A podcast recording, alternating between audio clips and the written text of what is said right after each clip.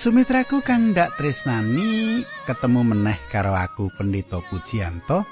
Ana ing adicara margi utami kaya padatan aku bakal bebarengan karo panjenengan ing sawetara wektu iki.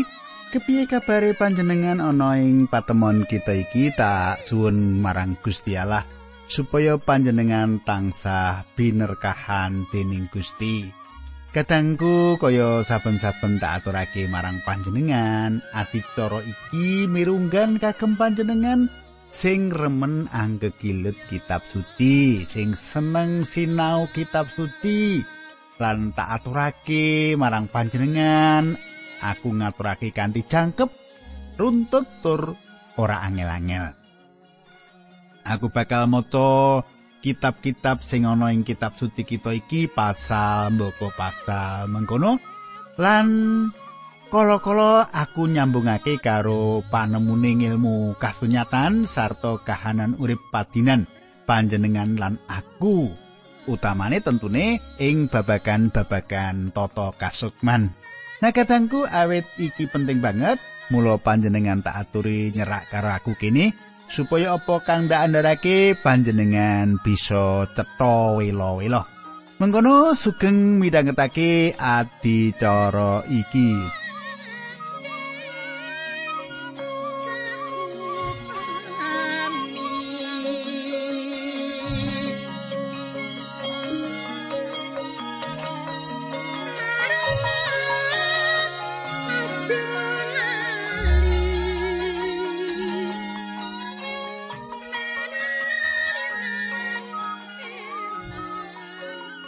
Sumitraku ing adicara kepungkur kita wis nyemak ceritane Nabi Musa lan Harun sing ditampik ditulak dening Firaun lan uga bangsa Israel.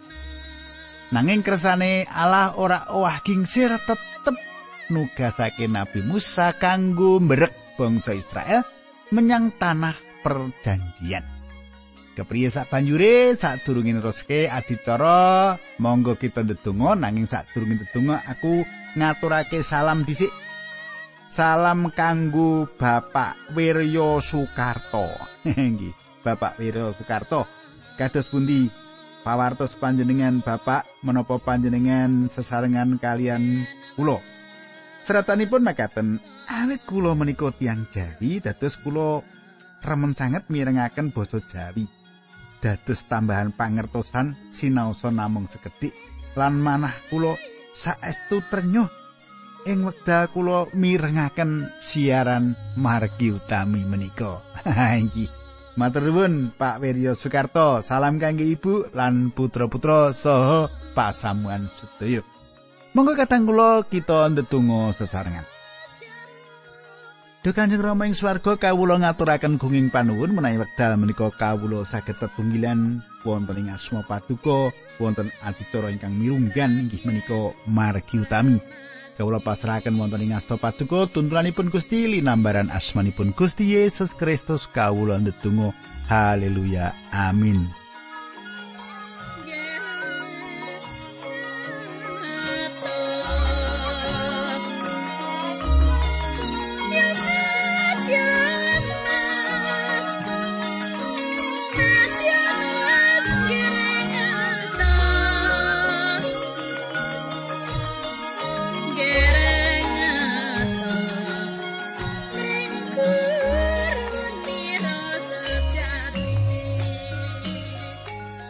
Kadangku kang gak tresnani, saiki ayo kita miwiti nyemak ing kitab pangentasan.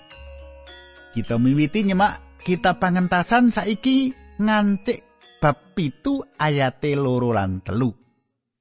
Mengkene surasani, Sarupaning dawuhku kandhakno marang Harun, Harun perintahan. Supaya matur marang sang prengon karben nglilani wong Israel lunga saka tanah Mesir. Nanging aku bakal mangkotake atine sang prengon, temah dhewekne bakal ora ngrungokke aturmu senadan aku nganti nekake kasangsaran gedhe.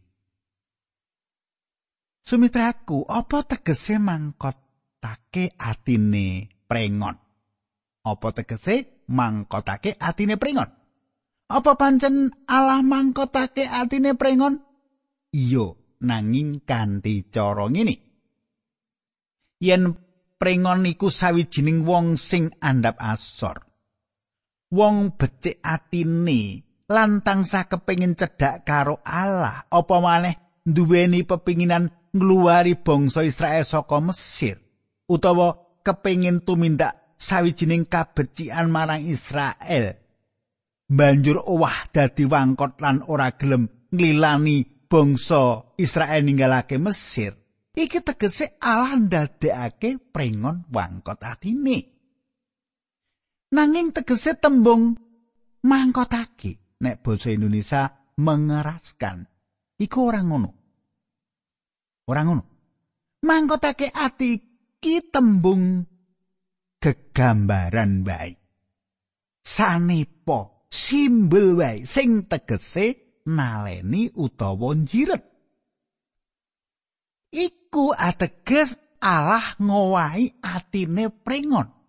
Allah bakal ngowahi dasar atine pringon terus didesek supaya tumindak apa sing dikarepake ing jaman iki. Ing jaman iki prengon bisa digambarake kaya dene politikus sing ora tau waleh marang sing digarapake. Sing ora tau ngaku apa enenge. Wicarane kaya nggutuk lor kena kidul. Atine kepengin A, wicarane ngunekake B.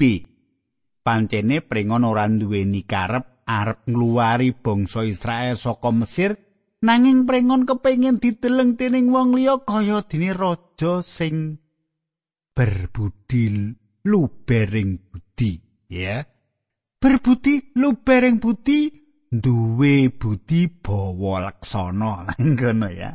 Dikaya ngapa kepinginane nanging sing cetha yen prengon ora nglilani bangsa Israel luar saka Mesir. Atine wangkot.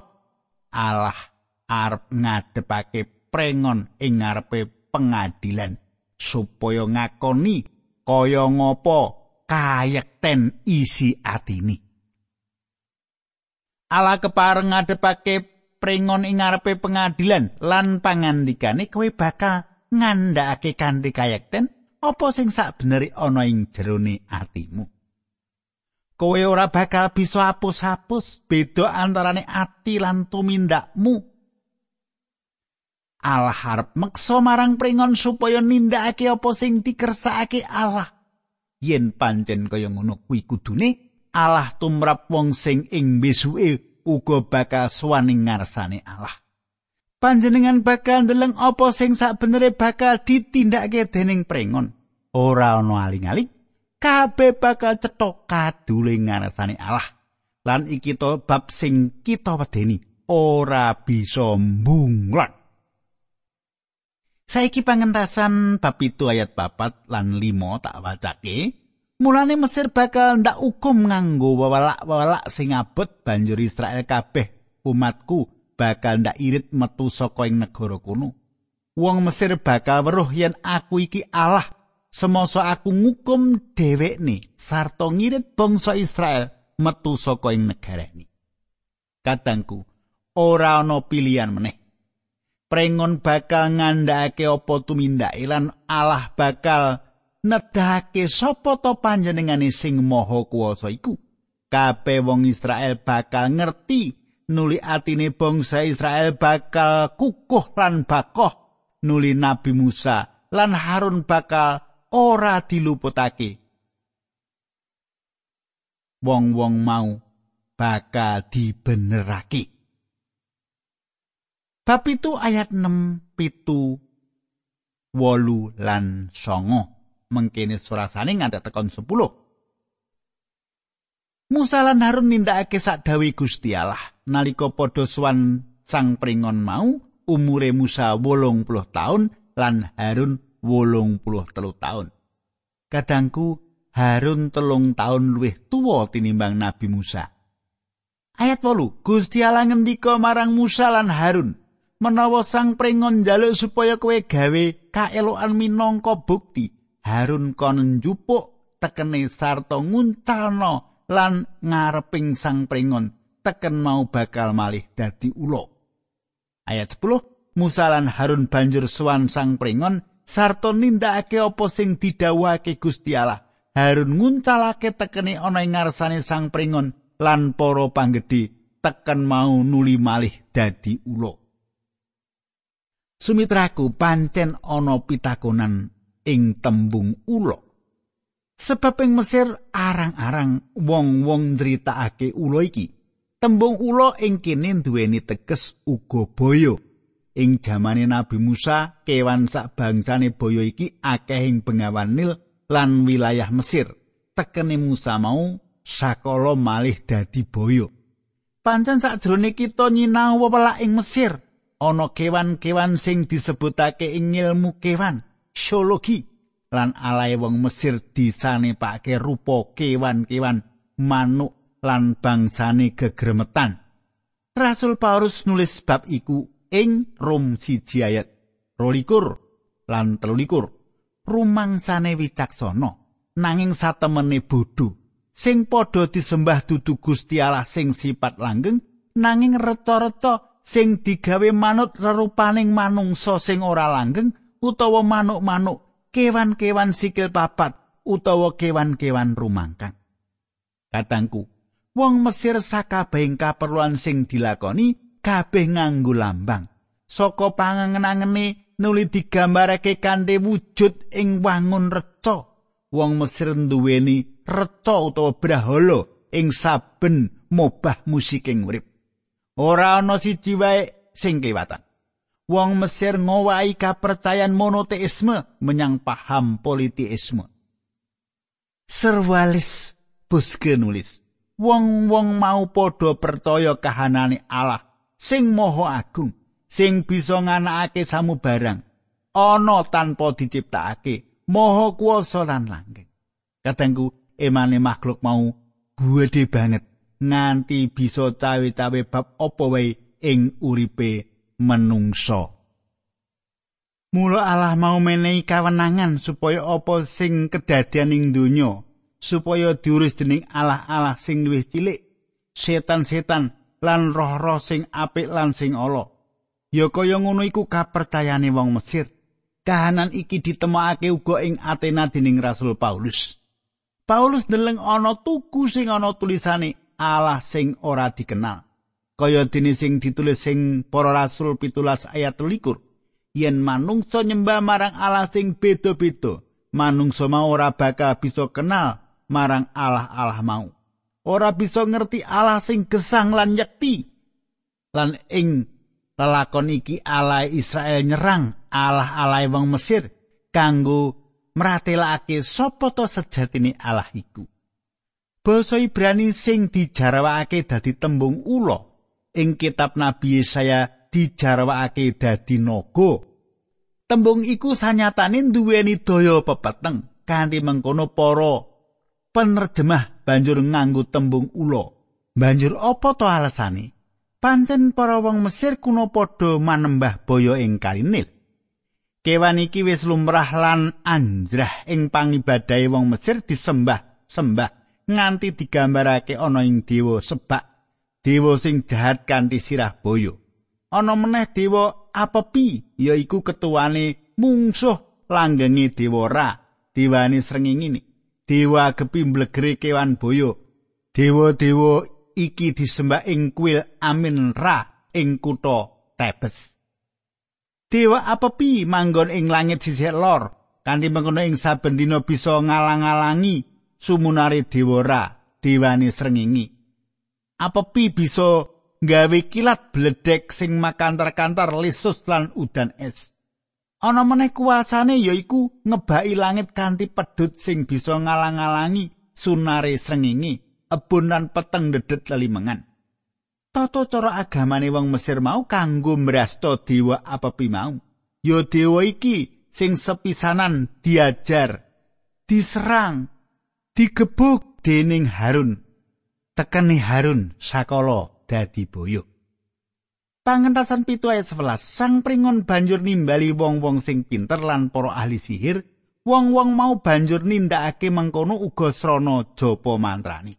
Kadangku para ahline wong Mesir niru apa tumindake Harun. Pancen para ahli para dukune wong Mesir mau bisa niru pangeram-eram sing ditindakake Harun.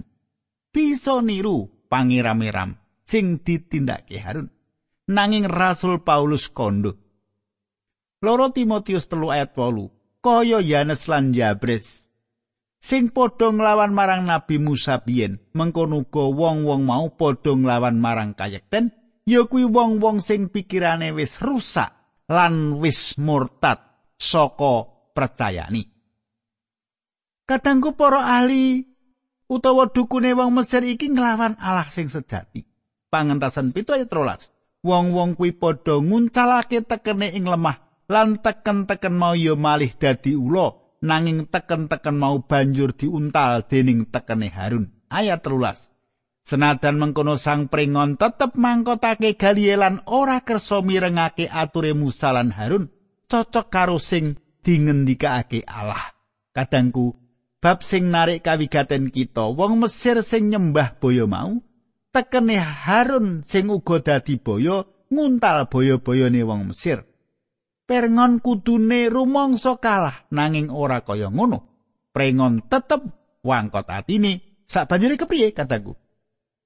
Pangentasan pitu ayat 14. Gusti Allah ngendika marang Musa, sang prengon kuwi wangkot atine ora gelem nglilani lunga bangsa Israel. Ayat 15. Mulane sowano ing wayah esuk semangsa raja mau ana ing bengawan Nil teken sing malih dadi ula mau gawanen sarta nunggonana ing pinggir kali. Ayat 16. Maturo marang raja mau, pangeran Allahipun tiang Israel ngutus kula supados matur dateng panjenengan kersa nglilani umat Israel kisah ngabekti dateng pangeran wonten ing ora samun ngantos dumugi samangke panjenengan boten kersa miyarsakaken. Ayat pitulas, semangke pangeran Allah ingkang moho mulya ngendika, Bile panjenengan badhe pirsa sinten Gusti Allah menika?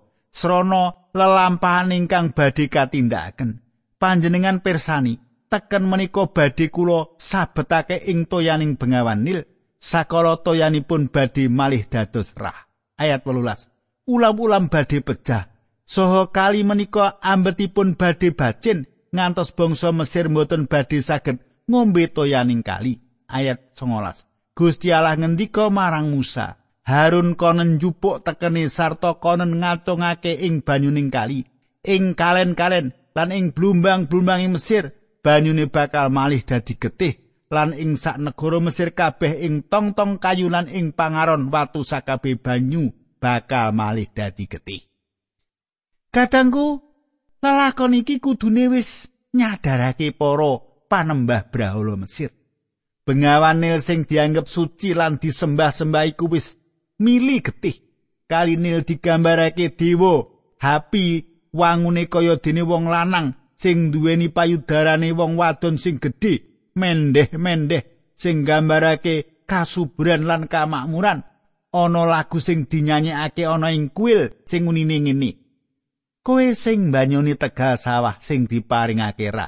Kowe nggawa pangan lan sing nyipta kabeh sing utama. Kowe sing ngiseni lumbung-lumbungku, kowe uga sing ngingoni para wong popo sing nadahake asta. Bengawane kaya dene dalane getih ing badan tumrap Mesir. Isine sing mesti wae banyu, sing mili, sing nyuburake daratan Mesir. Saiki wis dadi dalan iline getih, mesti wae wis ora ana gunane tumrape panguripan ing Mesir.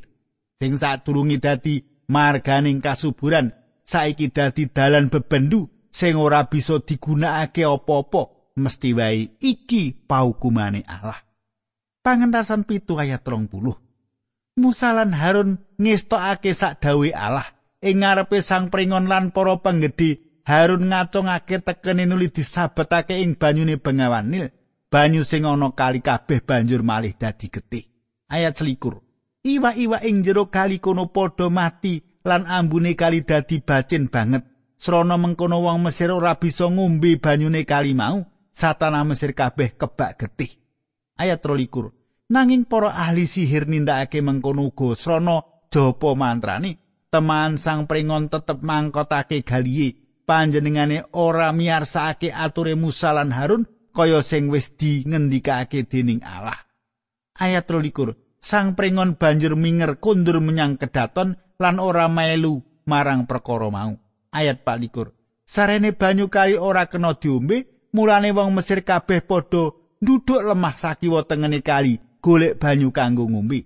Ayat selawe, kang mengkono mau nganti pitung dina suwene sawise Gusti Allah ndawai wewelak marang bengawan Nil. Sumitraku wewelak iki lawase pitung dina. Ewa semono prengon durung yakin yen kuwi mau kabeh saka tumindai Allah. Kenapa kaya ngono? Jalaran para dukune Mesir bisa ngembari apa sing kedadian. Mesti wae iki mau saka akal-akalane iblis nanging sing wujud iline getih bengawan Iblis ora bisa mbalekake banyu bengawan dadi banyu murni meneh. Saiki kita wiwit nganti ing bab 8. Ing bab iki kita bakal ndeleng yen wewelak saka pangeran Allah iki terus bakal kelakon. Lan Allah arep nujokake serangane marang pribadi-pribadine wong Mesir sing wis ambles kagulung dening panyembahaning brahala. Kodhok sing digambarake Dewi Heka, Dewi sing sirai kodhok, uga dewa-dewa hapi, dewa kodhok sing cangkeme mangap ngetokake panganan. Iki nandhakake yen dewane bengawane lan dewa dewi kodhok ana sambungane.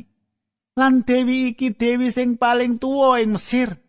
Heka iki dewi kesuburan lan dewi kelahiran utawa inkarnasi lan dewine para bidan. Salah sijine gambar tinggalane Mesir kuno nggambarake dewi Heka sing lagi maca mantra kanggo nangekake Osiris. Lan sing nggambarake Heka lagi cengkeng ing ngarepe ratu Mesir nunggoni lairi Hatshepset.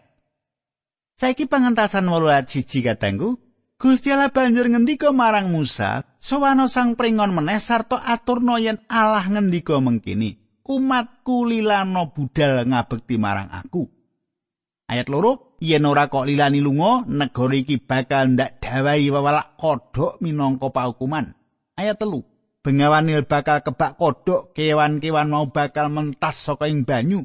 Banjur mlebu ing kedatonmu ing kamar-kamar lan peturon omah-omahe para panggedhe lan rakyatmu. Mengkono uga ing pawon lan ing panci-panci. Ayat papat kodhok-kodhok mau bakal nyoloti awakmu awake rakyatmu sarta awake menterimu kabeh.